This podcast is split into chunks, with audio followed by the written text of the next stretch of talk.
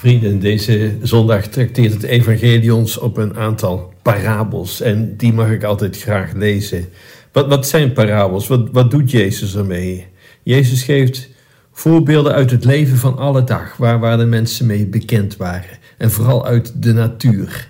Hij, hij gebruikt um, een graankorn om iets te duiden. Of het beeld van een schaap en herders. Daar waren de mensen mee bekend. Of een zaaier die zaait. zaait. En hij gebruikt zaken als brood en wijn. Gewoon alledaagse, gewone zaken. En Jezus gebruikt die alledaagse voorbeelden om iets te duiden van het geestelijk leven. Het zijn beelden, analogieën zoals u wilt. En hij gebruikt voorbeelden gewoon die je kent uit het dagelijks leven om iets duidelijk te maken over een aspect van het geestelijk leven dat je wellicht nog niet kende. Want hoe, hoe maak je iets duidelijk over het geestelijk leven? God heeft, zegt men wel eens, twee boeken geschreven. Eentje is de natuur, de schepping. En er is heel wat uit af te lezen. Ja, ook over de schepper. En wat is het tweede boek? De Bijbel. En de natuur en de Bijbel, die twee boeken, die verlichten elkaar. En je moet ze eigenlijk alle twee kennen om ze beide beter te begrijpen. Wij in onze tijd, we zijn gewend aan geschreven teksten. Bijna iedereen kan lezen en schrijven in uh, onze contraien. Dat was ooit natuurlijk wel anders. Onze voorouders, die dat niet konden, die konden wel iets anders veel beter. Die konden de, de natuur beter lezen. Ze waren er dan ook veel beter dan wij in om geestelijke, spirituele, om morele lessen af te leiden uit gewoon de natuur die ze kenden. Uit de natuur konden ze gemakkelijk ook die symbolische betekenissen afleiden, tekenen, signalen voor hun eigen leven. Ze wisten een graankorrel, als je die in de aarde plant, ja, die moet eerst sterven, uit elkaar vallen, alvorens die kan ontkiemen en daar vrucht te voort te laten brengen.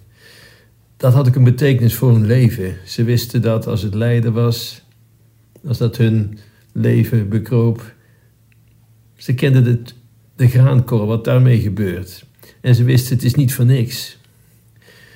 Zo ook een, taak van een herder. Ja, die heeft iets over voor zijn schapen. Het is geen huurling. En ze beseften de betekenis van, van die graankorrel, van die herder, van het zijn van een schaap voor hun eigen leven. Ze waren als het ware dichters, poëten. In onze tijd, wat zijn wij? Wij zijn eerder wetenschappers. Wat bedoel ik daarmee?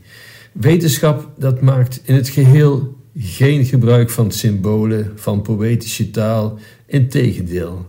Computers vertalen alles in, in, in cijfers, in, in nummertjes en eentjes. Heel exact. Die vertalen alles in wiskunde en het liefst zo simpel mogelijk in cijfers, in digits. Dat is ook de betekenis van digitaal. Computers begrijpen vergelijkingen niet. Ze komen, zoals gezegd, niet verder dan nulletjes en eentjes. Wij leven in het computertijdperk en dat heeft invloed op ons denken, op ons begrijpen.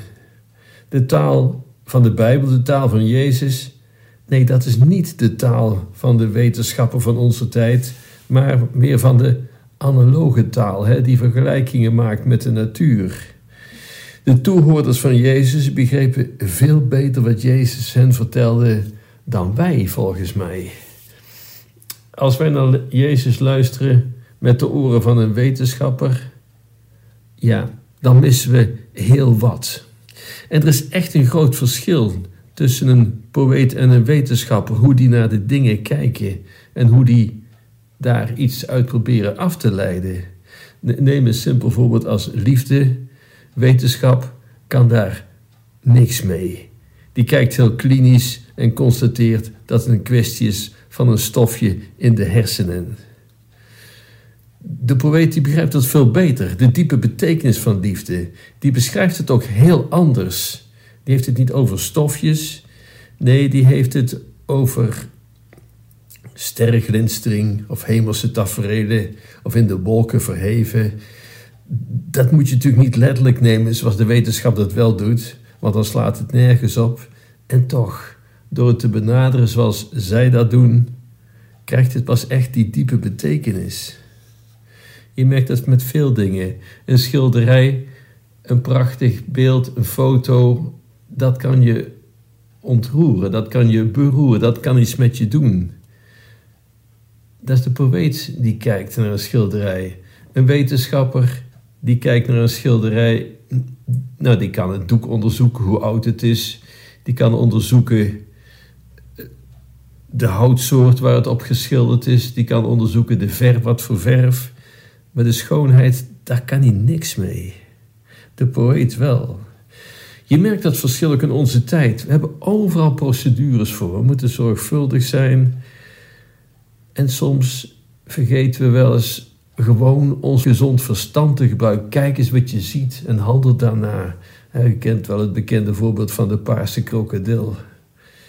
We zijn het een beetje kwijt. We gieten alles in procedures, alles in, in, in vormen. Wetenschappelijk, uh, meer die richting. Het gezonde verstand is soms uit beeld. Waarom zeg ik dit allemaal? Kijk eens naar het evangelie van vandaag. We krijgen vijf parabels, vijf vergelijkingen, vijf analogieën. De belangrijkste, de eerste, en ook de grappigste eerlijk gezegd, is de blinde die de andere blinde in de arm neemt en hem meent te kunnen leiden. Wat wil Jezus ons duidelijk maken? Hoe onnozel, trots en superioriteitsgevoel zijn. Ja, hoe onnozel is dat? Jezus maakt het simpel duidelijk met dit voorbeeld: de ene blinde die de ander leidt.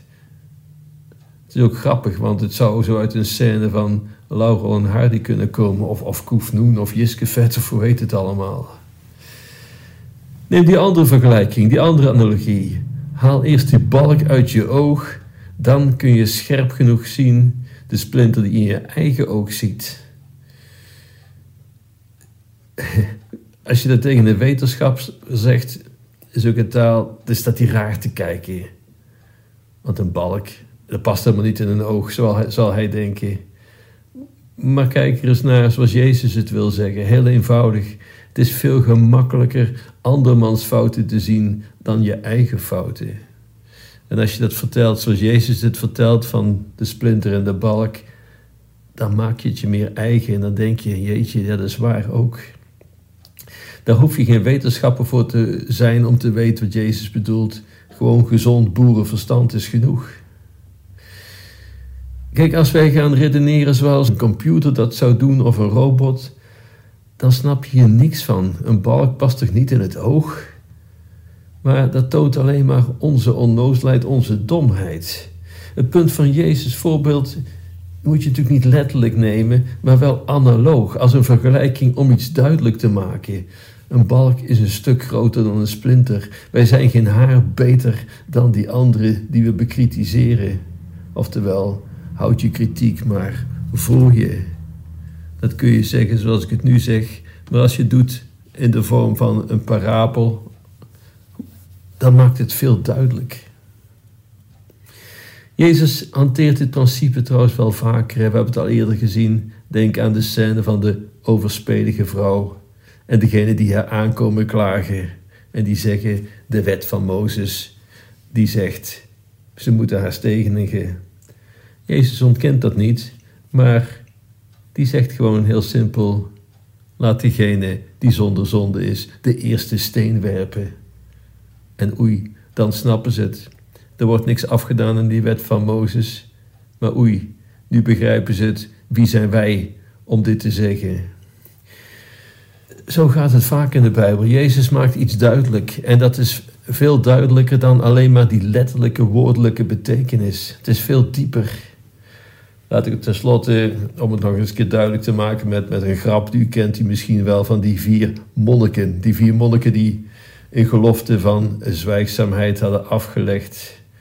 Um, hierin komt dat principe ook tot uiting.